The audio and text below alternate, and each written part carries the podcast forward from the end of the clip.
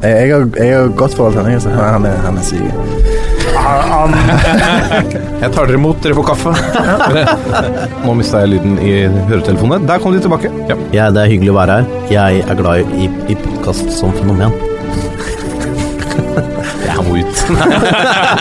hjemme mot Lyngen Karnes gikk de på et litt leit 0-19-tap eh, her. Hvilken divisjon snakker vi? Er det tredje eller fjerde? Fjerde, fjerdedivisjon. Og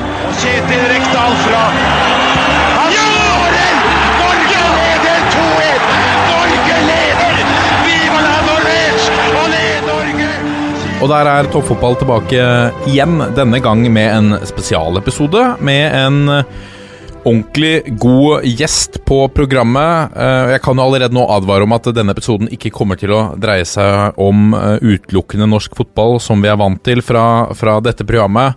Men når man har mulighet til å sette seg ned med en, en mann som er kjent for å spissformulere, som har et skråblikk på, på fotball, så må man rett og slett gripe den muligheten. Fordi etter 34 år i Dagbladet takker uh, mannen med det lekne språket og spissformuleringene for seg. Da får han kanskje rom til å dyrke sitt hittil undertrykte B-menneske. For som han omtaler seg selv, et utpreget B-menneske presset inn i A-menneskets håpløse hverdag. Tom Statsberg, velkommen. Tusen takk. Det stemmer, det. Det stemmer det? Ja, det er helt håpløst. Nei, altså, hvorfor skal jeg begynne å jobbe når du egentlig skal sitte og drikke kaffe eller sove eller gjøre andre ting? Jeg liker å jobbe på, ja, på kvelden. Det er ikke kokettering engang. Da jobber jeg best langt over natta, så må, da må man sove. Men sånn er ikke samfunnet lagt opp, så da får vi Nå får jeg tid. Nå får du tid til å leve livet på en måte, eller jobbe på de tidene du har lyst til, kanskje? Ja, men det har jeg faktisk gjort også. Mm. Jeg har vært en pain in the ass for sjefer i Dagbladet. Jeg har kommet som jeg ville. Helt håpløs. De er veldig glad for at jeg skal slutte. Nå er ikke de her til å svare for seg, så Nei, nei, men de er veldig glad for det. Ja, ikke sant? Ja, jeg sier ingen navn. Nei, De er de. ja, riktig. Um, du har uh, Altså, jeg, jeg må jo Vi kan ikke ramse opp eh, alt du har gjort, for da ville du ikke gjort annet. Uh, kulturjournalist, fotballjournalist, redaktør i fotballmagasinet 442. Låtskriver. Forfatter av en rekke bøker. Lyriker. Og fotballhue som en slitt lærball, ifølge deg sjøl. Og du debuterte som lyriker i 1999 med en diktsamling om Manchester United som ble både elsket og hatet. Ja. Den kom, det var min debut, og den kom ut på nynorsk. På Det Norske Samlaget tok sjansen på en uh, amatørpoet. Uh, Du lurer vel kanskje på hvorfor det var på nynorsk. Det var fordi det er Norske Samlag, da var det på nynorsk. Så den gode, meget gode forfatteren Ragnar Hovland omsatte mine dikt fra riksmål til nynorsk. Og da, hva heter den igjen da? United. Lyriske feilpasninger fra en rau djevel. Så nynorsk er Det er ikke noe sånn nynorsk ligger ditt hjerte nært, eller Nei, det hadde man på skolen. Og det, nynorsk er eh, det, det skal vi ha. Vi skal ha sidemål. Og det er viktig. Men for meg som er fra Eidsvoll, så er det mer je og itte.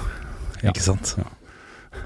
Vi skal høre deg eh, Du har lovet å dele et par dikt eller to med oss eh, litt seinere. Det, det, altså dette her, den boka her eh, Den solgte litt, bitte grann. Var jo morsomt å skrive den. Det var liksom å ta opp oppveksten fra når, var, når jeg var helt desperat sammen med en som het Rune og Odd, uh, og ble United-fans. Mm, det er lenge siden jeg har sett den. Jeg sitter og ser den nå, så ja. Det er, har jo driti på draget i, på, i spaltene mange ganger. Jeg, jeg, jeg skal lese. Det gleder jeg meg til. Det behøver det må du ikke. Nei, jeg skal, jeg skal senke forventningene. Ja, ja. Eh, som nevnt innledningsvis, eh, da jeg så ditt navn første gang, så var det i forbindelse med spalten i bakrommet. Mm. Og for en, eh, en eh, ung fyr som akkurat hadde blitt interessert i fotball, så var det, husker jeg det var litt befriende å lese noen som skrev om fotball på en litt sånn hva skal vi si, eh, litt spissformulerende, litt annerledes, ikke så høytidelig. Mhm, det var bakgrunnen. Jeg begynte å tenke nå Når starta dette her? Og det var i, i begynnelsen, før det ble bakrommet, eh, som egentlig starta da jeg ble eh, korrespondent for Dagbladet sammen med kona mi i 99 og var der i tre år, så hadde jeg en spalte som het Av allting i rommet. Ja. Ja, og den starta opp når seks stykker fra Dagbladet, jeg tror det var i 89, jula 89 eller 90, 90, dro over til London, bodde i et hus, seks stykker, og bare bestemte oss for Det var litt sånn geriljataktikk, for VG har jo alltid vært større enn oss, og mange vil si bedre enn oss, på sport. Men da bestemte vi oss for seks stykker. Vi veggdekker engelsk fotball i hele romjula. Vi dro over første dag og var der til over nyttår. Var på seks kamper annen dag på Boxing Day, og. Og da startet jeg spalta i rommet, for jeg dro på Brentford, da. Og så på Brentford. Det er for at Selv om du er United-supporter, du har en forkjærlighet for de mindre klubbene? Veldig. Jeg liker det veldig godt. Mer og mer, faktisk. Fortsatt kan eh, sønnen min og jeg dra til Braintree, som er utafor ligaen, altså utafor London, og se Braintree eh, vinne Brain, Braintree? Braintree, ja. ja. Hvilket nivå snakker vi da? Nei, når øh, De ligger vel nå National League Salt, tror jeg. Eh, vant i helga. Følger fortsatt med. Da vi var der, så vant de 3-2 mot Telford. det, dette er herlig Det er smalt. Ja, det er smalt. Men det er litt sånn Vi reiser til London på London-tur. Betaler 500-600 pund for å se Chelsea, som jeg egentlig ikke holder med engang. Det gidder jeg ikke. Dra til Braintree, ta et tog, eh, se, høre på folk, ta noen bilder. Jeg veldig liker å ta fotografier. Eh, Kjøpe en drakt, kanskje, hvis de, hvis de har. Snakke med folk og hvorfor de holder med Braintree og, og kommer helt fra Telford. Veldig gøy. Veldig gøy. Rett og slett bare sosial trening. Har den interessen der økt litt? En ting er jo seg selv, men kanskje generelt også etter på en måte alle milliardene har kommet inn og skyllet over eh, Storbritannia? Det har nok eh, gjort det. Nå har jeg vel Jeg har spilt fotball sjøl i lavere divisjoner, så det, det ligger der. Alltid den der klisjeen med underdogs. Jeg liker underdogs, sånn om det er musikk, litteratur og folk. Altså de som ikke blir sett bestandig og ikke skrevet om, de liker jeg. Eller de må få en stemme. Og så er det mye mer Du kommer jo nærmere Ja, det blir litt sånn patetisk. Sjelen i fotballen som jeg likte fra før millionene kom, og tatoveringer og geleen og Gucci-veskene og bilene og alt maset. Um, men eh, ja, det har e- eskalerte nok veldig da jeg var i England og reiste rundt. Jeg så vel en 40-50 kamper i året, for da var jo alle nordmenn der og Champions League. Blei ganske sånn mett av det, selv om det er en fantastisk jobb, det er ikke det. Men, da må du, men jeg vil jo være glad i fotball. Jeg liker fotball. Jeg liker alt rundt òg. Mm. Liker å gå på puben, høre på musikken, hva snakker om, alt det der. Så ja, det har ligget latent, men den er fortsatt stor interesse for lavere divisjoner. Du jobba og var tett på engelsk fotball da vi hadde hvor mange var det? Nærmere 40 Ja. Premier League-proffer. Hvordan var det, da? Altså, er du interessert i fotball og får lov å be, få betalt for å reise rundt, eh, onsdager, tirsdager, lørdager, fredager, søndager Altså, det er midt i blinken jobb. Så mm, Og da var jo Solskjær eh, Du husker 99, du husker når han skåra målet. Det var en voldsom interesse. Det var mange gode spillere norske også i Liverpool, for det var jo fokus, selv om ikke jeg var så opptatt om det var norske spillere der. Du måtte se fotballen. Flo i, i Chelsea. Um, Steffen Iversen, Fjørtoft. Du hadde Anders Jacobsen som var gjest her nylig. Han spilte jo også i Stoke, jeg, jeg traff han der. Altså, det var en Det var altså helt unikt å være med på. Morsomt. Masse togkjøring, masse bilkjøring. Masse fish and chips. Kom, dette var en tid også hvor, man, hvor han slapp inn litt, og, og de hadde jo sikkert mediakursing da også, men, men, eh, men nå blir de holdt veldig i tøylene. Merka det siste året, særlig i Manchester United, som er min klubb. De var jo kanskje den verste å holde på med. Ferguson var jo Han var jo håpløs. Han ville jo bare være Han ville jo på en måte helst at du, de skulle komme med et standards Et uh, ark der han hadde skrevet ned. Og En periode så hadde han ikke pressekonferanse heller. Da måtte du stå det var liksom, Der står vi. Og så har du pressekonferanse på Manchester United TV. Og så må vi stå og skrive av de spørsmålene som en kanal stiller. Det er ikke akkurat kritiske spørsmål.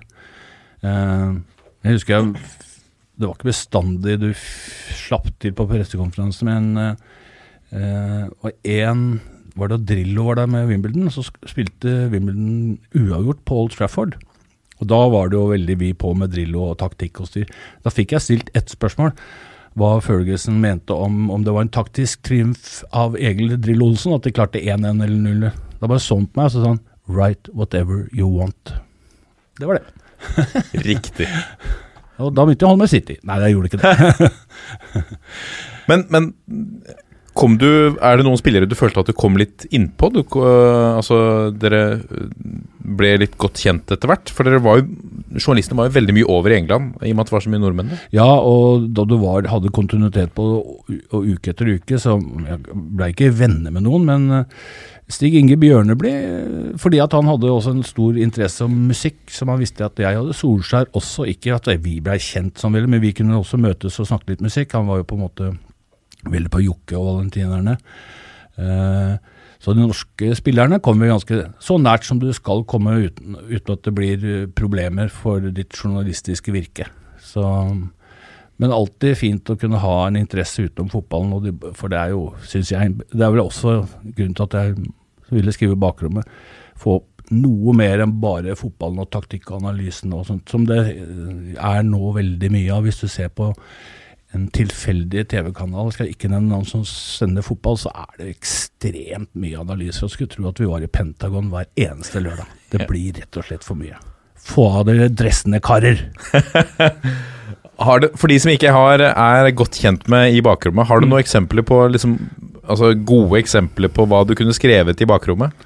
I dag? Eh, Nei, ja, det var I norsk- dag, eller, eller tidligere? Har du noe det, som du er spesielt fornøyd med? Eller? Det nå er det, føler jeg det- Da jeg var i England, og det var, det var også litt sånn tidlig nett, det var veldig lite nett, selv om bakrommet fra 99 var i, på Dagbladet på, på nettet, hadde sånne grener nedover, var veldig tungvint. Så måtte, da, det var jeg også en av grunnene å reise tidlig, reise og snakke med folk, lese lokalaviser, følge med, fordi at finne de små tingene eh, som sto i lokalpressen om en stor klubb, en liten klubb, snakke med spillerne om andre ting enn fotball som du kunne bruke i bakrommet.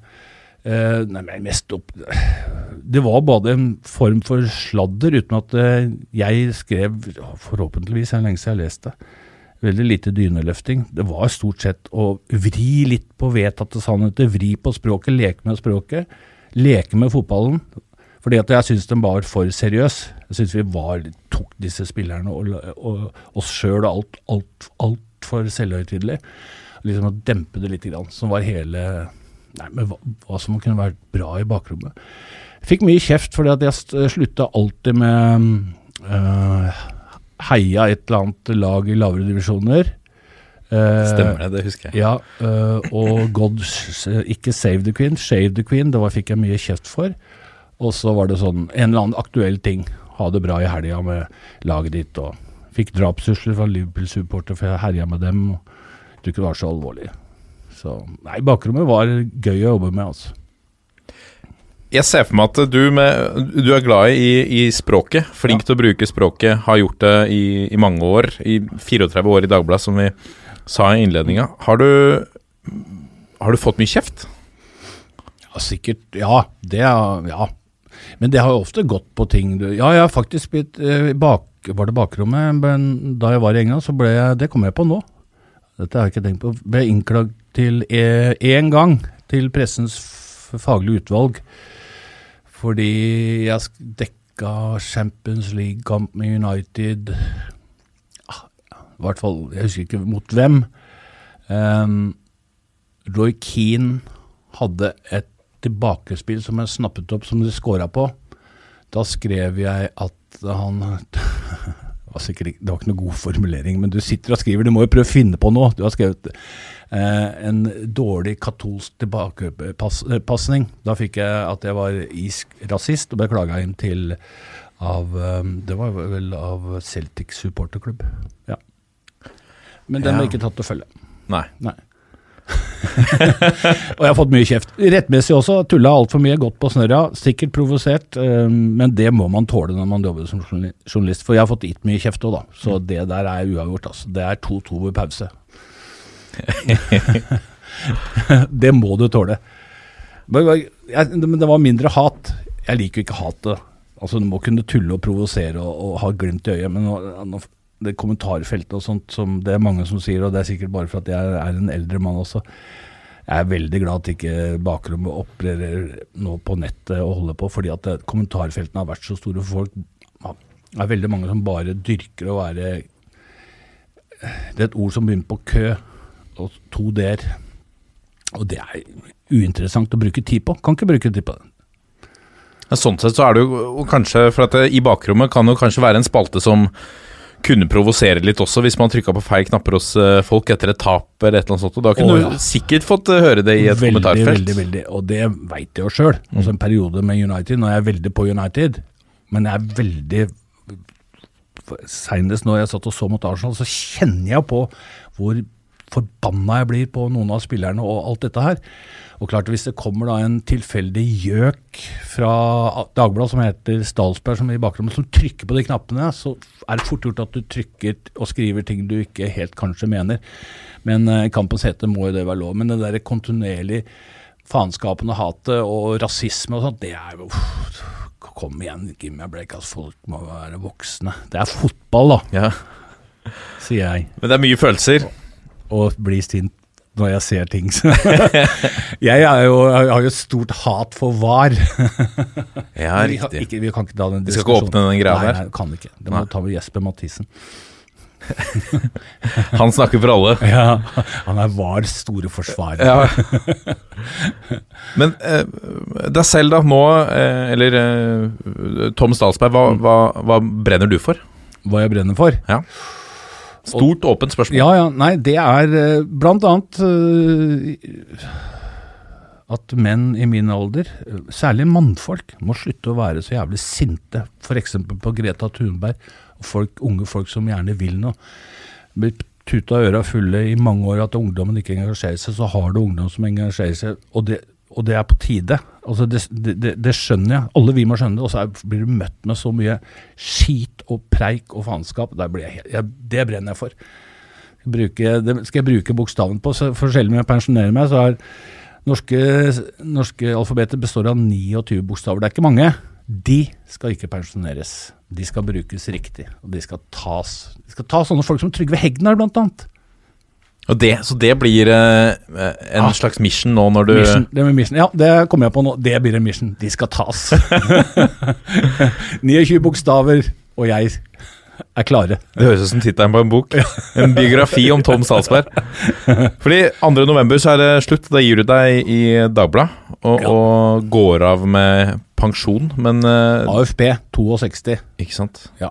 Er- da har jeg hatt 34 mer eller mindre helt perfekte år som journalist og fått dekka alt mulig jeg ville, og frihet i spaltene i Dagbladet. Mm, men de siste årene har eh, du det er, noe, det er noe riktig at du skal gå av, fordi nå, den avisa jeg startet i, den eksisterer ikke mer. Så, og da, i stedet for å bli bitter i avisa, kan jeg heller bli bitter utenfor. Tenk på altså, Dagbladet. Ja, på den måten du starta. Ja, for den avisa eksisterer ikke lenger. Og mm, Hva legger du i det, da? Nei, altså papir, Jeg er jo en papiravisfyr. Bladfyk. Um, de spaltene som jeg har uh, hatt og dyrka, er lagt ned. uh, fordi ja, de, de selger ikke på nett. Og det er en re, re, som redaktørene kan bestemme. Men da er- passer det veldig fint at ikke jeg skal være med mer. Rett og slett. Mm. Det går veldig, veldig fint. Det går bra. Men du legger ikke Du legger ikke inn årene av den grunn? Nei, nei, nei. nei. Som jeg sa, til deg i stad, som dessverre ikke du visste, da skal jeg starte podkast her hver onsdag som heter lav, Lavere divisjoner. Dere, dere skal ut. Går oss i næringa? Nei da. Det, man finner alltid på noe. Jeg har ikke noe, har ikke noe planer om å pensjonere meg sånn og bare ikke gjøre noe. Det, det er, jeg er ikke typen til det. Nei. Jeg følger med på fotball, da. Det skal jeg gjøre. Ja, fordi dette er jo en podkast egentlig om norsk fotball, men denne episoden kommer til å skli ut litt i både bauer og kanter. Men, Ja, men eh, hva er ditt forhold til norsk eh, fotball? da? Altså, jeg, jeg er jo veldig opptatt av fotball som et kulturelt uttrykk, og da også norsk. Eh, laget holder med, hvis du, hvis du må vite det i Norge, i Eliteserien, gjør det veldig dårlig, irriterende dårlig. Det er nesten ikke så jeg orker å snakke om det. Eh, de skal gjøre det så bra år etter år etter år, men vi eller jeg sier ikke vi engang, de gjør det så dårlig, så det, det kan jeg ikke snakke om. Men min gamle klubb Eidsvoll IF, i, som ligger nå i fjerde, så er til det femte, de følger jeg med. Jeg følger med Frigg, der sønnen min spilte. Jeg følger ganske godt med. Ikke for at jeg går på så mange kamper, hender jeg går på og ser på landslaget, men øh, jeg følger med sånn at jeg liker å Jeg er litt sånn Det er sikkert et alderstegn. Jeg har alltid vært sånn, jeg liker tabeller, jeg. Altså, resultater og gå inn på lokalaviser. og Sånn sett er nettet helt perfekt. Nå kan du gå inn og, og følge mye mer med enn det var eh, tidligere. Men som sagt, min uh, norske klubb gjør det veldig dårlig, altså. Veldig dårlig. Er du en tekst-TV-mann? Nei, jeg skal ikke være helt eh, der nede. Nei, altså, hei, jeg følger med. Jeg, jeg, nettet er jo helt genialt. Det er jo bare topp hvis du bruker det riktig. Nei, ikke tekst-TV. Nei, nei, nei, tekst-TV. Jeg har bare sånne klare barndomsminner også, at det, noe av det beste som var, var etter en kamp, og så gå inn på tabellen og se hva som skjedde med tabellen, med, med favorittlaget, og og ja. opp eller ned, eller eh, Da tekst-TV var på en måte kilden, selvsagt, men nå må jeg Og tekst-TV, altså apropos tekst-TV, var utrolig viktig, eh, særlig en gang, en lørdag i 5. januar 1985. Da var det tippekamper og pling, og det var cupkamper for England. Eh, når elleve eh, 11 av 12 kampene var slutt, så hadde jeg 11 riktig. Og den siste tolvte var, hadde en rein uavgjort, den ble trukket. Men så dro vi ut, og så måtte vi gå på tekst-TV, og så ble den trukket til uavgjort. Det var engelsk. Da fikk jeg 12 riktig. Og da så jeg på tekst-TV 12 riktig, utbetaling 310 000. Er det sant? Helt sant. Og det, det, og det så du på tekst-TV? Ja. Er det kult, eller? Det er ganske kult, ja. Elsker tekst-TV. Men satt du og venta, da? På en måte det var, Jeg husker ikke dette. Nei, det, det var eh, Ja, for det, det kom ikke, eller vi skulle ut. Det var bare sånn 11, altså, riktige, 12 litt seinere. Så så jeg på teksten at jeg hadde faen, Unnskyld at jeg banna, men det hadde 12 riktige. Var, altså, da sto eh, premieprognose.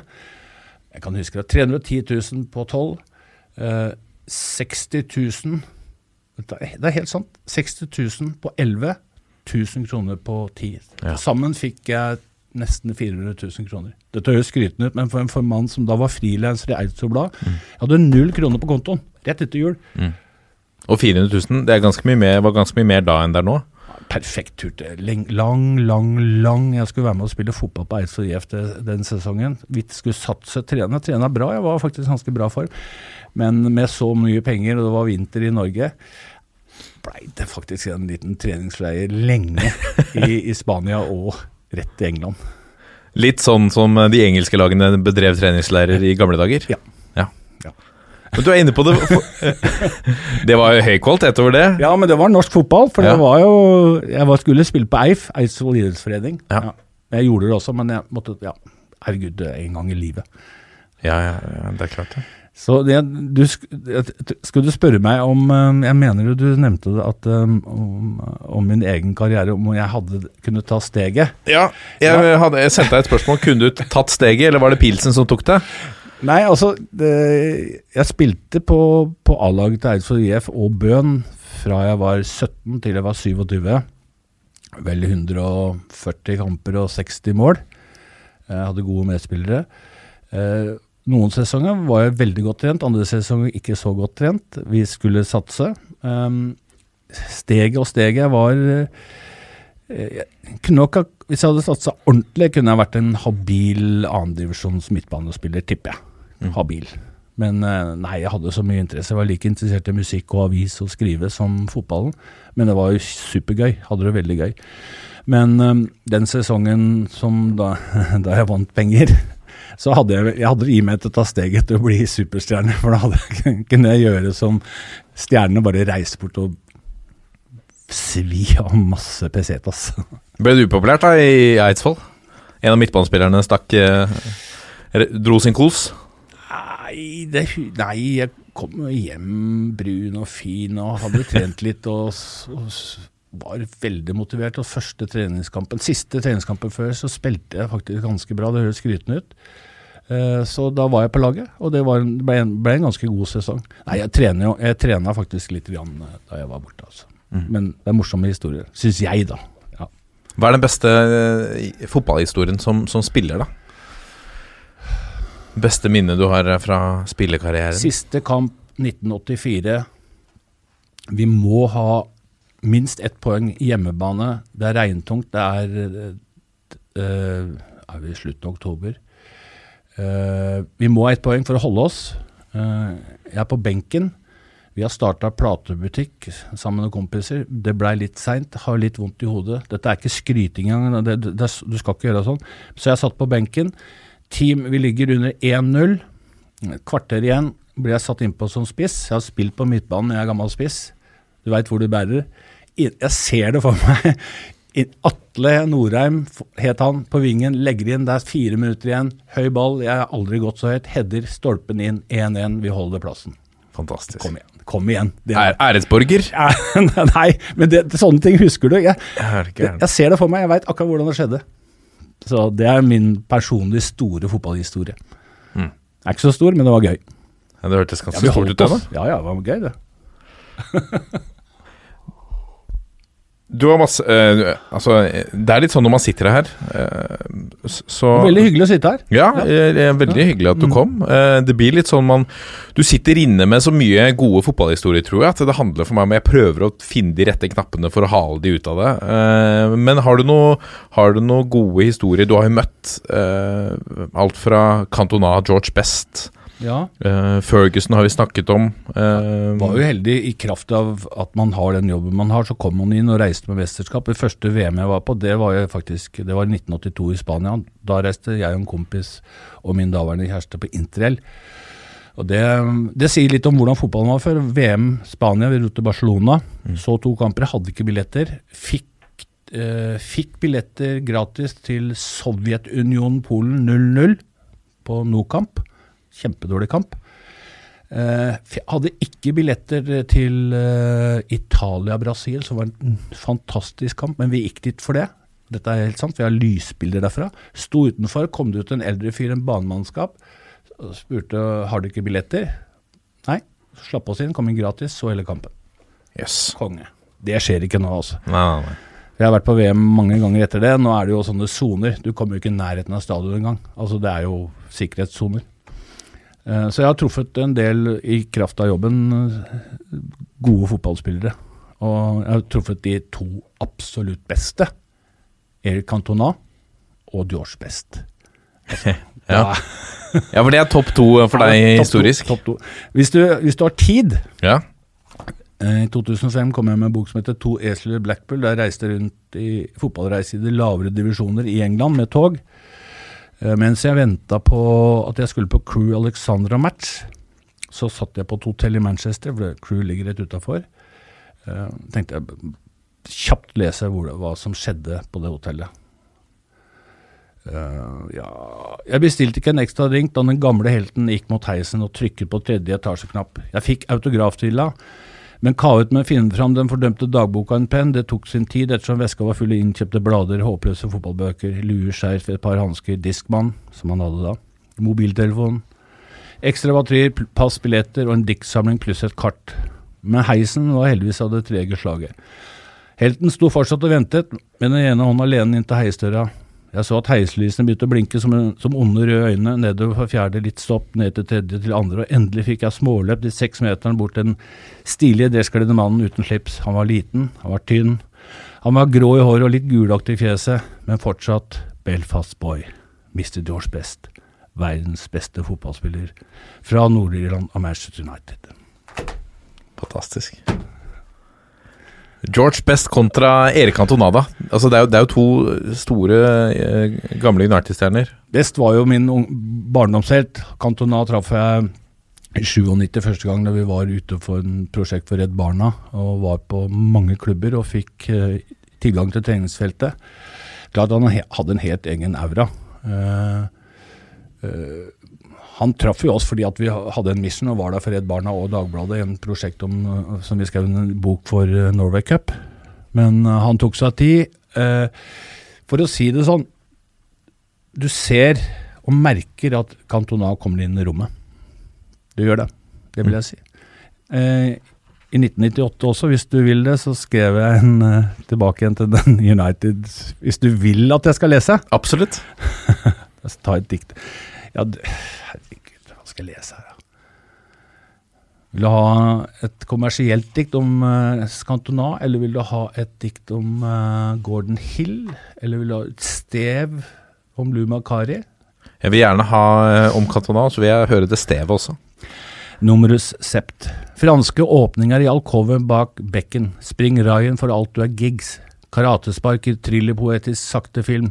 Fexistraff var ikke hans skyld. Helvetes palasrasist. Kolonilandets fordømte tversoverpasninger. Numerosept. Dempe artisjokker med hælen før han sender surrealismeskåt ut i verdensrommet. Kometene sleit seg løs fra rommet og storma bana i stjernefryd. Måsene hadde raue reservevinger. Det regna sol fra hans fot. Erik Cantona. Fantastisk. Nei, det er ikke det, vet du. Et lite stev da, i Manchester, et stev. Fikk inn en referanse der til denne gode gamle The Seagulls-sitatet også. Det var det som lå Ja, der. ja. Det var jo bare svada. Ja, ja, ja. Og du så han sa på Fifa nylig nå, Cantona var på Fifa-utdelinga. Han driver helt eget fag. Altså, Ja. du burde ta magistergrad i Cantona. I Manchester er et sted. Han lo Makari var vis og særs klok. Det var et bilde i Rottmanns yearbok. Gino Grino for aldri full. Jeg har et hjerte av ligagull.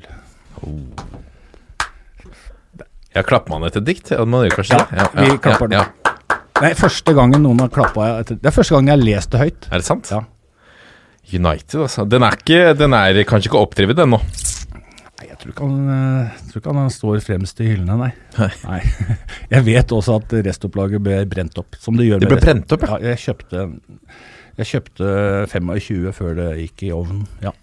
ja tenk på hvor mye bøker det gis ut, da. Og Ja, det er så- sant. og Solgte ikke all verden. Men det er en veldig hyggelig bok, og takk til redaktør Jan Svensson. Ikke, og, og bilde av selvfølgelig George Best på forsida der. Ja, og så er det jo en del gamle bilder som jeg hadde i ringpermer og Subuteo-spill og sånt, som eh, det har bidratt. Ja. En selvbiografi. Du nevnte at du er og ser på Du er og selger på landslaget. Ja, Du, du eh, har jo eh, vært med i mange Hva skal vi si landslags Fulgt med i mange landslagsepoker. Hva, hva tenker du om den generasjonen eller det laget vi ser nå? Altså, det er mange mye mer analytiske og kloke fotballhoder som sier til meg altså, Det er nå i ferd med å Altså, de har så mye spennende spillere. Men jeg tror ikke Lars Lagerbäck er rette mann til å forvalte det gullet vi egentlig sitter med.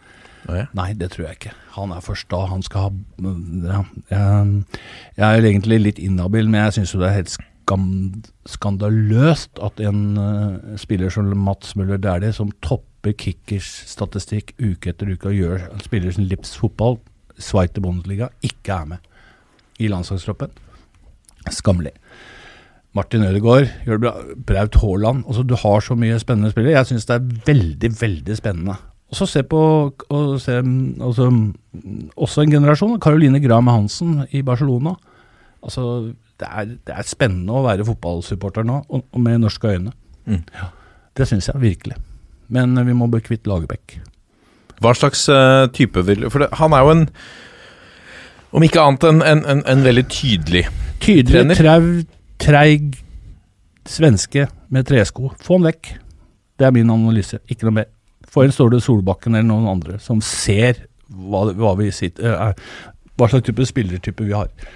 Jeg har ikke trua på Lars Lagerbäck. Han har gjort sitt, all ære, men uh, passé. Sånn som meg i Dagbladet. Gjort mitt, passé, ferdig, ut med det. Bli ferdig.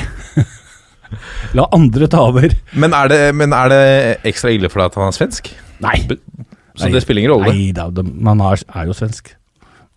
Så det var Nei, jeg, jeg har ikke sans for typen. Jeg syns bare den er så trevrig også. Jeg må, vi sitter med så mye La de stråle, få det i gang, liksom. Og det er liksom ja, du, ne, ja. Men han er vel den landslagssjefen etter Drillo som ligner mest på Drillo? ja, ja. ja, Og, Både i spillemetode altså klart, og, og type? har, og Vi har gjort Drillo, vi har prøvd Drillo et par ganger, all ære, og det var superbra der og da. Men nå er det andre typer fotballspillere. De må klare å se. Vi har en helt annen type De er, de er helt andre generasjoner. De er, de er helt andre kvalifikasjoner. De har et helt annet referansegrunnlag også inni huet sitt, vil jeg tro. Nei, vi må slippe til gleden mye mer. Og de er godt trent, altså. Han der skriver motløp og sier kom igjen. Ta den tilbake igjen som Mats Møller, der de løper mest av alle. Få han med, da. Var det nok? Det, ja, det, det var tydelig, i hvert Ja, fall. ja, det er ingen god analyse, men jeg, jeg er bare lei, jeg er lei den typen ja som, ja, som jeg sier, bare for å ikke det, det har ikke noe med alder å gjøre, men du, han har gjort sitt for meg. Altså. Ja. Så Ståle Solbakken mener du er eh, Kan være mann? en type som han, som på en måte Ja, jeg vet ikke om han er rett mann om han vil, men øh, ja. jeg, jeg tror den typen øh, som klarer å se jeg hører, De få gangene jeg hører Ståle Solbakken snakke om fotball, så syns jeg han har, sier veldig sm mye smarte ting, og hva han får, får til egentlig i FCK er, er bra. Hva, hva, hva er det rareste eller morsomste fotballminnet du har? Enten fra jobb eller eh, ellers har du møtt noen Du må ha møtt noen pussige skruer eh, Mange opp igjennom? puss, pussige skruer. Eh, morsomste Det er to som er morsomme. Om det er morsomme bare for meg, det aner jeg ikke, men det er to. Det ene er lokal. Eh, den andre er eh, Og det er mange som sier nei, men han har ikke sagt det. Var ikke han? Jo, i hvert fall så sa han det, for jeg har sjekka i arkivet i Dagbladet. Det var uh, når du treffer en kjent vokalist i et rockeband som heter Deep Purples, som du veit kommer fra Wolverhampton, er det vel. Uh, så snakker du musikk og smoke and water og alt, men også må du spørre om fotball, for jeg veit at han er interessert i fotball. Og han var i hvert fall en av de få som sa For jeg spurte du kan ikke holde med Det var da Wolves ikke var De hadde rykka ned. Du kan jo ikke holde med Wolves, du bor jo i London. Eh, eller, ja. Da sa han det som er blitt brukt mange ganger. Men jeg tror det er hvert fall en av de første. Du kan skifte kone, skifte bolig, kan skifte jobb, men du skifter aldri fotballag. Det var ganske morsomt da han sa. Så det blei jo hele saken. Det blei ikke så veldig mye om Deep Purple, men, Men er det der det kom fra? Eller jeg tror det. Men den har blitt sagt mange ganger etterpå. Men det var Ian Gillen, de Purple, som sa det i hvert fall. Og den har jeg, på, har jeg sjekka i Dagbladets arkiv. Det er vel 20 år siden. Men var det, sa han det først til deg? Ja. Jøss. For dette er jo et sitat som har, eh, har Ja, gått er- igjen. Ja, det har gått igjen. Jeg skal ikke banne på at ingen andre har sagt det om han refererte den andre, men jeg husker jeg syntes det sitatet var kjempekult, Ja. og brukte det for hva det var verdt. Og den andre er en lokalhistorie, da vi spilte på et lag på Eid som het Bøen, og vi gjorde det ganske bra i fjerdedivisjon. Lå Hvis vi vant den siste kampen til ferie mot Manglerud Star, som hadde Tor Egil Johansen, Toro, som spilte masse landskamper for Norge og på Skeid, eh, som trener, så ville vi toppe. Det var stort for en liten klubb som Bøen. Eh, det var en lokal helt som hadde litt penger, og så var litt tørst, jeg ikke si navnet på han, som kom inn i garderoben før kampen og sa følgende, apropos penger i fotballen, dette var i 1983, var det? 84, 83. Så sa han hvis dere slår Mangel... Han hadde drukket en gang. så Hvis dere slår Manglerud Star i dag, så skal dere alle sammen få 50 kroner av meg hver, anonymt. Ja. Det er bare sånn som jeg syns var veldig nydelig, da. Vi spilte uavgjort, så vi fikk faktisk 25 kroner hver. Å ja. Svarte penger. Rett i fòret. Hvis du hadde vært, eh, hvis du hadde vært eh, ikke fotballpresident, men fotballdiktator Ja. i, i Norge Altså, du kunne bestemme Du mener Drillo? med professor. Ja. Altså, du kunne bestemme å gjøre endringer som du ville. Hva ville du, hva ville du endra på? Enten med seriesystem eller Eller lands, altså landslag. Der vet vi jo endringen Da ville jeg ha endring fra og med nå. Da ville jeg hatt en eh, ja, Vekk med Lagerbäck og sagt tusen takk, og fått inn noen andre. Eh, Seriesystemet altså må, Jeg ville ha gjort noe med norsk fotballpresse, altså som, som um, uh, Nei, jeg skal ikke gå inn den der, da får jeg så mye uvenner. Ta en gang. Men uh, med seriesystemet Jeg liker jo at det er mange, jeg liker jo at det er mange lag, jeg, da, selv om det blir dårlig. Jeg, jeg, jeg liker jo Jeg syns det var helt topp da det var 22 lag i, i den øverste divisjonen i England. Jeg syns det er bra at det er 16 lag, men jeg skjønner kanskje kvaliteten her. Men om de spiller har noe å heve seg etter. Jeg, jeg, det jeg ikke liker så godt, er jo på en måte at de presumptivt gode lagene har disse annenlagene som gjør det veldig vanskelig for lag, smålag å rykke opp. Det, det liker, det, der ville jeg hatt en, jeg ville egentlig hatt en reservelagsserie for, for toppklubbene. Kanskje gått ned til 14 lag, men det har vi jo prøvd opp og ned i norsk fotball. Um, jeg ville hatt flere, flere ballbinger. Jeg ville hatt mer og mer aktivitet i skolen. Jeg ville ha mye mer fotball, eller lek og all mulig idrett inn mye mer i skolen. For jeg tror om du holder på med fotball eller løp eller turn og har du fotballtalent, så vil du ta med deg det, og da er det fint å ha hatt en annen idrett også. Det, er et stort, stort spørsmål. men Diktator liker jeg ikke, men også ville jeg vel um, Ville jeg vel uh, sørga for at uh, Vålerenga hadde fått seg en uh, ny trener. Ja. Hva slags type vil du ha inn der, da?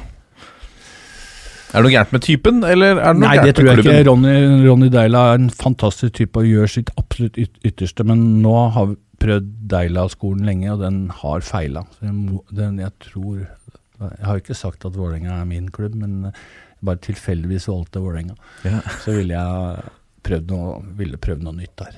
Er det mye å se hjemmekamper? Nei. Nei. Jeg har ikke, har ikke, bruker ikke så veldig mye tid på det. Jeg gjør ikke det, altså. Jeg skulle ha vært mye mer. Men jeg ser mye fotball. Mm. Altfor mye. Mye, hva slags fotball ser du, da? Champions League, engelsk fotball selvsagt, selv om jeg river meg i håret i United. Men jeg liker å se god Det er en klisjé. Jeg liker å se god fotball, så jeg kan jo også sitte og se på Liverpool, av alle ting. De er gode, dessverre. Eh, slemt å si det. City, Tottenham. Jeg kan se championship. Jeg kan se spansk, italiensk. Eh, jeg kan se Fotball kan jeg se eh, når som helst. Hvor som helst. Og gjerne på bar. Gjerne på bare. Ja, men ikke med for mange supportere. Helst aleine. Du må ha litt ro? Ja, jeg orker ikke alle de der dårlige analysene. Det må jeg stå for sjøl. Nei, fotball er, tar mye tid. Hvem er eh, din eh, norske favorittspiller da gjennom tidene? Oi, oi, oi. Det er lett for en mann i min alder å si Tom Lund. Jeg, jeg, likte, jeg likte utrolig godt Jon Carew. Altså. Jeg synes han var der, Og Daniel Bråten liker jeg også. Jeg liker han og likte han.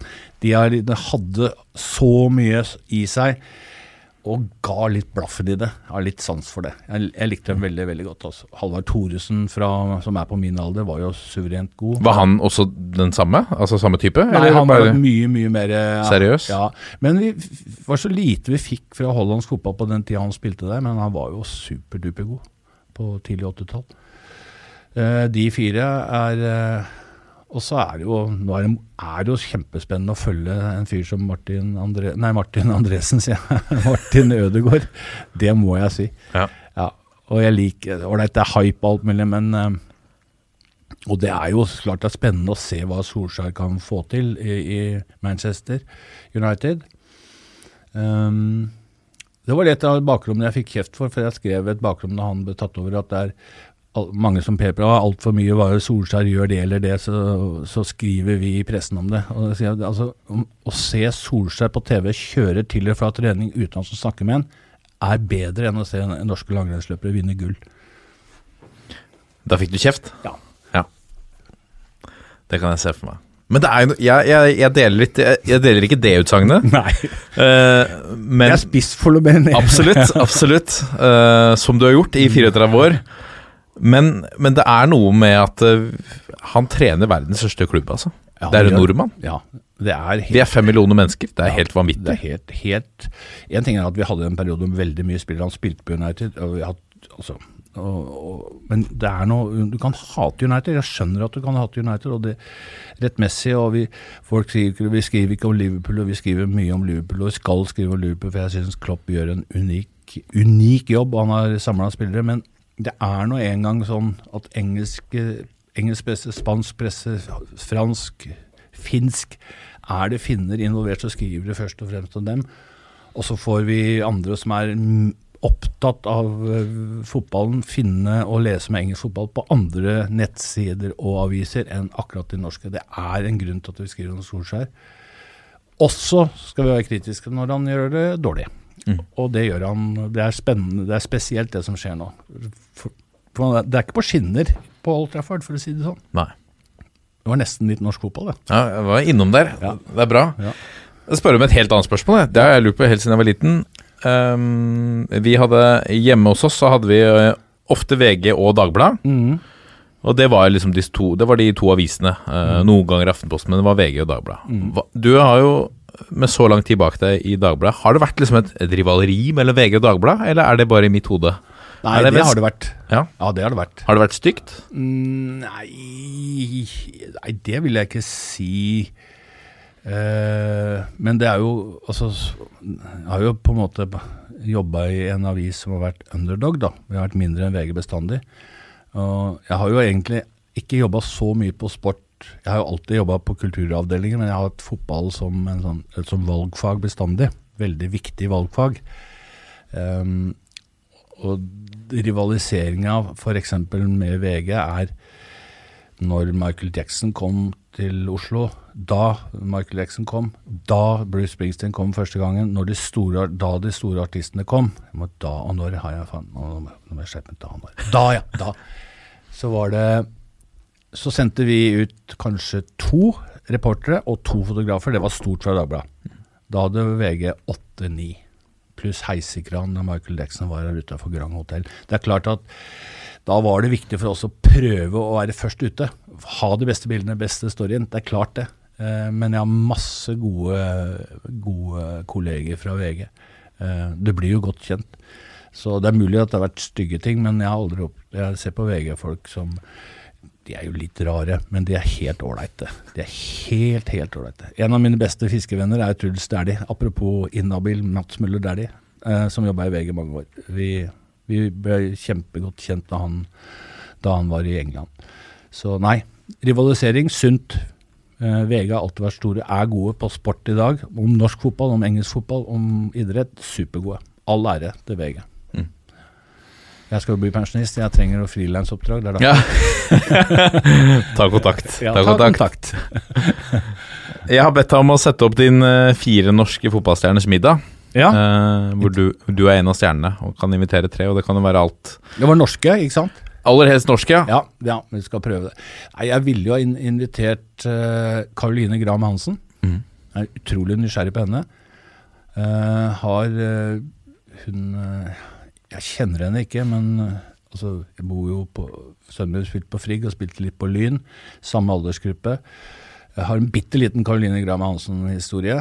eh, og Mats Møller Dæhlie. Jeg ville invitert eh, Caroline Graham Hansen, Mats Møller Dæhlie og Drillo. Ja. Ja, det vil jeg altså få høre. Der kunne vi lært noe av Drillo alle sammen. Og da skulle middagen ha bestått av selvfisket laks som jeg hadde dandert i alle mulige varianter. Og da Drillo, Drillo, Vi sier når, vi. Når Drillo kommer inn, så er det på høy musikk som han hater. Og så, jeg har sluttet å røyke, men da skulle vi også ha røyka bare for å provosere han litt. For det fortjener han. Men da skulle vi hatt en ordentlig fotball og quiz og geografikviss, og så skulle vi ha snakka fotball, så skulle jeg ha lært og holdt munn, og så skulle Mats og Karoline fått Drillos kunnskap. Det tror jeg har blitt en superfin kveld. Ja, For Mats og eh, Karoline har spilt sammen i Lyn, på samme lag. Ja, kjempegode. Mhm. Eh, historie fra kort Kanskje avrunde med den historien. Den er litt søt, faktisk. Vi, sønnen min, Ruben, Mats og Karoline og Truls vi dro på en reiselivsmesse på Lillestrøm på en lørdag. Da var det vel ni, åtte-ni små. Veldig fotballinteresserte. Inne der var det en fotballbinge som du kunne ha, bare ha et tremannslag. En liten turnering. Eh, de var veldig små, men de var gode, altså. De tre sammen. De spilte mot 13-14-åringer som så de bare og erte. Det var en sånn klassisk historie som kunne vært med i en film. Du, de blir litt tyna. Nei, dette blir lett match. Og en jente på laget. De feider av banen. Karoline var så god, Mats var drilla, tok Zidane-finter.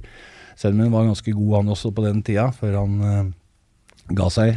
De skøyt og de, de jobba. De, de spilte VM-finale mot de eldre som lo av dem. Kjempegod historie, husker jeg veldig godt. Fantastisk. Ja. Du har, eh, vi skal ta noen lyttspørsmål, men, men eh, før det, det dukker opp ting i huet mitt som jeg må spørre deg om. Ja. Du, du har skrevet eh, VM-bok sammen med Jon Michelet og Dag Solstad. Ja, i VM i, i 2014. Hvordan var det? Det er jo et radarpar som har skrevet mye VM-bøker.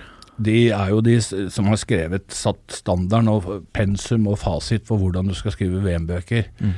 Um, VM i fotball i Brasil uh, kom på en idé sammen med Morten Pedersen.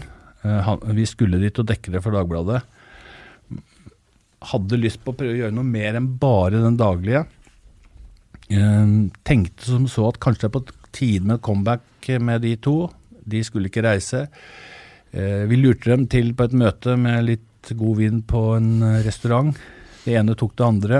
Eh, de skreiv hver Vi var jo ikke sammen, men vi sendte hverandre litt meldinger og sånn underveis, og fikk tilbakemeldinger. Boka ble slakta av Morgenbladet. Vi får se hvordan det går med Morgenbladet i dag. Men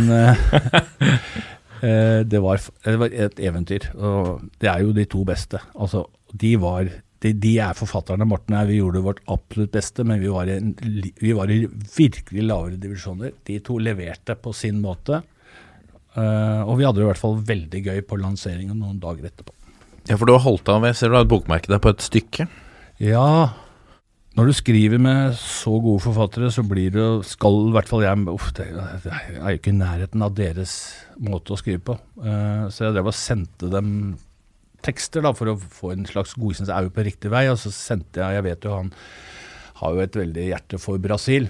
Og Jeg var ute sammen, sammen med Kjartan Fløgstad av alle ting, og et par andre i Han var også og skrev bok sammen med sønnen sin. Vi var på en restaurant i Rio, og da kom jeg igjen da. eh, Etter litt utpå natta så skrev jeg et te tekst som heter eh, Hører jeg Rios hjerteslag, kan jeg eh, skimte byens ansikter, kan byen skjære over strupen min, hører jeg Rios hjerteslag, kan jeg forstå byens ansikter, kan byen rane meg, hører jeg Rios hjerteslag, kan jeg be byen å hevne seg, kan byen forsvinne uten spørsmål.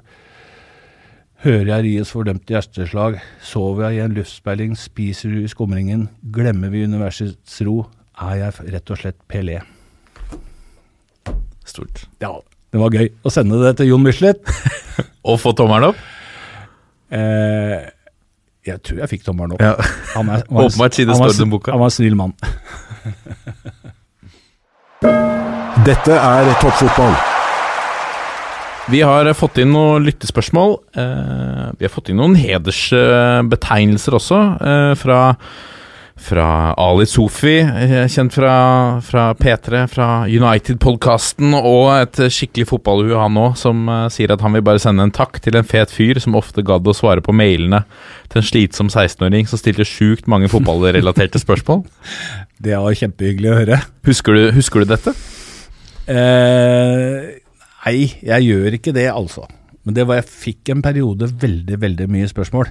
Og det er vel oppdragelsen som gjør at når, uansett om jeg får spørsmål eller får en mail det vil si- det er Kanskje at jeg ikke får så mange. Jo, jeg gjør det i perioder, i hvert fall når du skriver fotball. Så svarer jeg på det.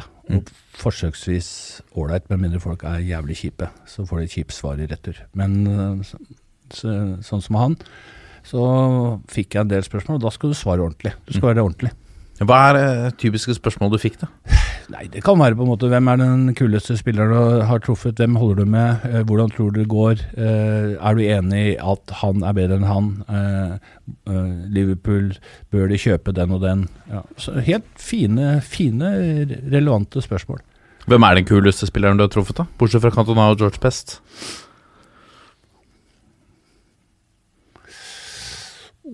Uff, det er mange, hvem skal jeg si da? Kan si flere. Ja, nei, ja, det er eh, Den kuleste jeg ikke har treffet, er en gammel hedersspiller som heter Frank Worthington, som jeg syns var kjempegod, spilt på Huddersfield Leicester. Han, han skulle gjerne ha truffet, men dette er jo langt tilbake i tid. Av norske fotballspillere, prøv å ta norske, da, så er det ja, Solskjær var ålreit. Henning Berg var veldig ålreit som spiller, for han hvis du ringte han eller sendte SMS etter kamp, særlig han var i, engelsk fotball, så svarte han, og svarte ordentlig. Uh, Steffen Iversen var uh, stilte opp. Uh, Øyvind Leonardsen stilte opp uten å si så mye. Han var best uten ball og språk. Ehm, altså, ble jeg nevnt, Karev var jo aktuell en periode. Veldig lang periode. Ja, veldig Utrolig sant for Jon Carew, altså. Ja, jeg må jo si det. Mm. Men den kuleste Mange vil si Myggen. Ja, han var kul, han, altså. Han var det.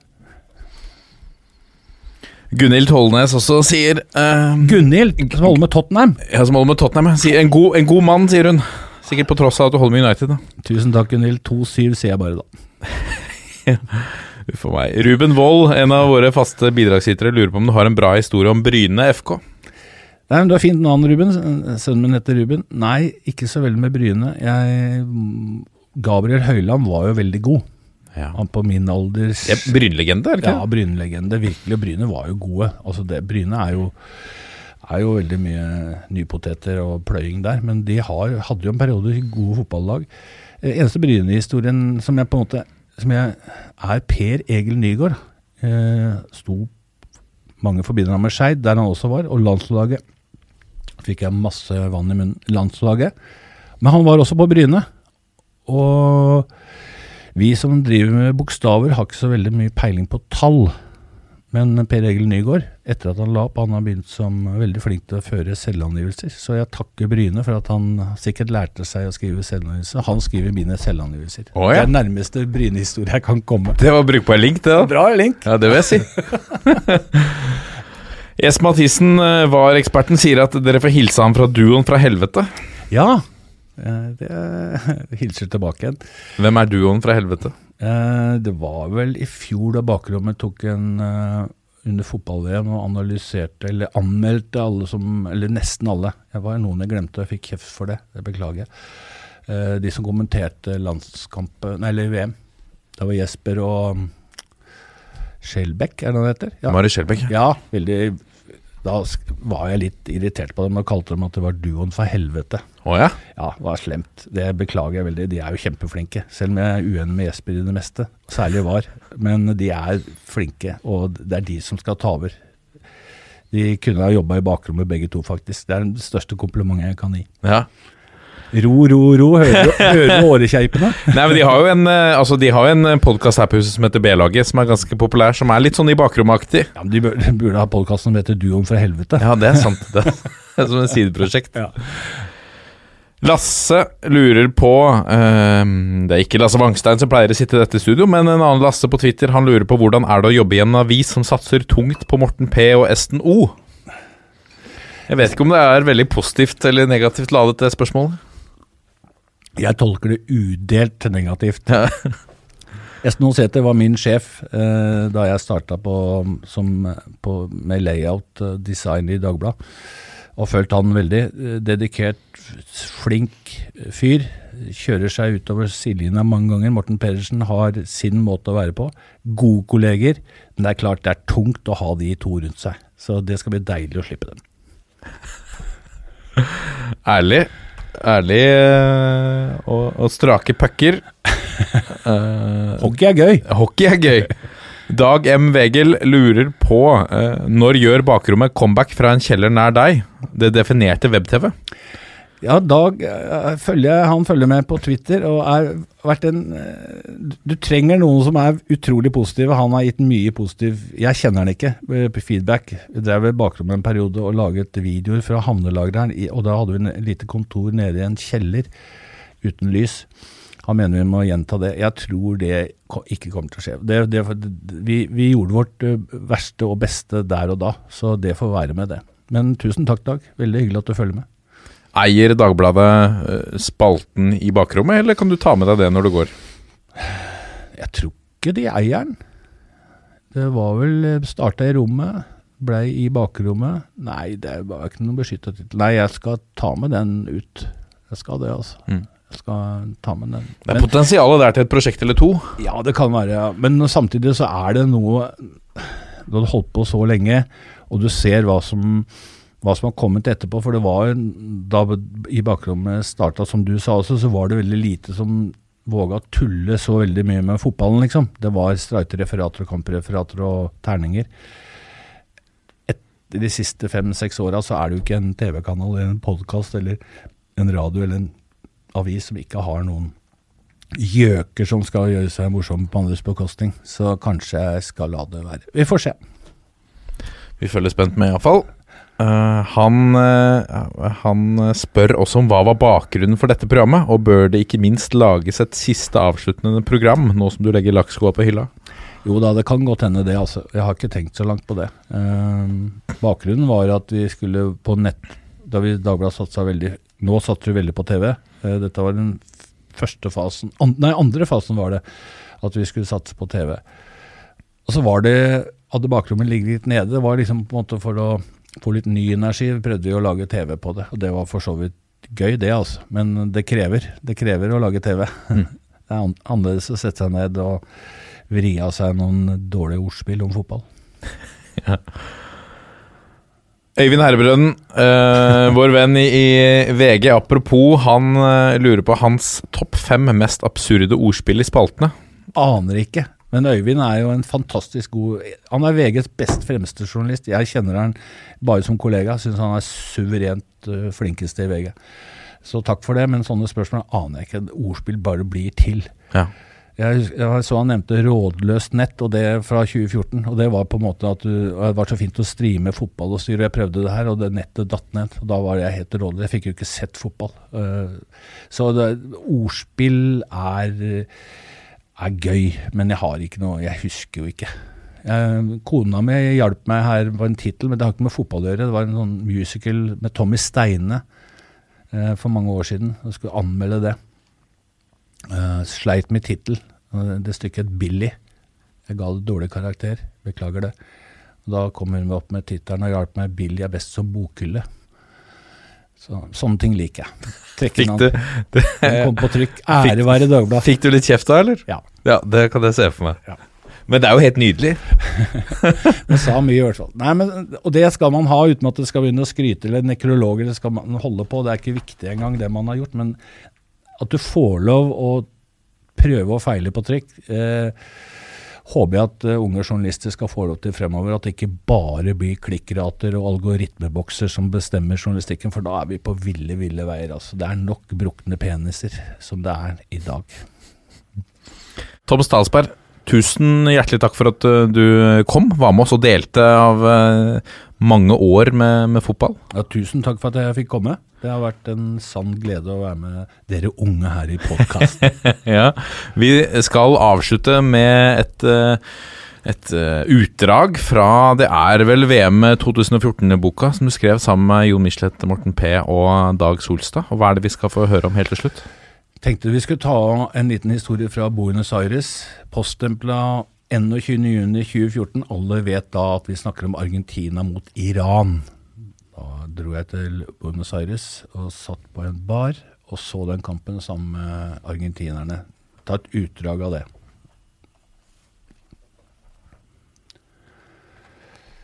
Argentina mot Iran. Presteskapet er lukket, det er låst. Iran holder i stand. Iran er gode. Kompakt, kompakt organisert og livsfarlig på kontringer. Vind gatelangs, vinter i Argentina. En fyr sover på en møkkete madrass. To hjemløse barker sammen i en slåsskamp utenfor hotellet. Og en tigger skjeller meg ut fordi jeg ikke gir ham en sigarett. Han forsto ikke at jeg ikke hadde flere. Han med, han knytter med nevene. Han ber meg reise dit hvor ingen vil bo. Han har jo rett, han burde jo få en sigarett jeg ikke har. Messi derimot er en sommerfugl. Han får ballen, det er på overtid. Det er langt etter stengetid for denne kampen i VM i 2014. Iran mot Argentina i Bello Horizonte. Messi får ballen. Nei, ballen søker indre eksil i beina til Messi. På baren er frustrasjonen høye rop. No, noen går, noen står. Iran mot Argentina 0-0 på overtid. Iran snitt for straffe. Iran som viser at de kan sin fotball, selv om de visstnok skal tilhøre ondskapens akse. Jeg liker Irans landslag. landslag. Noen må like dem også. Messi er en sommerfugl. Messi får ballen. Messi drar seg forbi én mann. Han sikter mot det lengste hjørnet.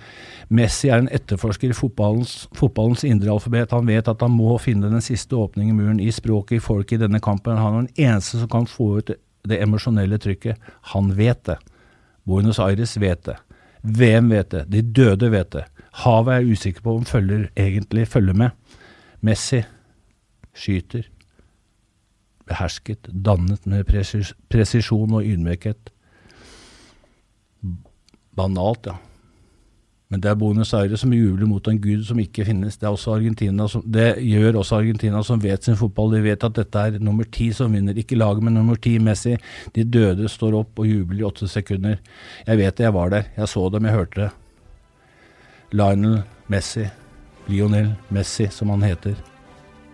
1, Iran 0. Messi er fortsatt en sommerfugl. Jeg kjøper en pakke rød Malboro, oppsøker tiggeren, tilbyr ham hele pakka, inkludert fyr, bot og bedring. Mann med hår i alle retninger, brun jakke, brun fillete bukse og strømper utpå skoa. Han takker nei. Han sluttet å røyke da Messi skåra.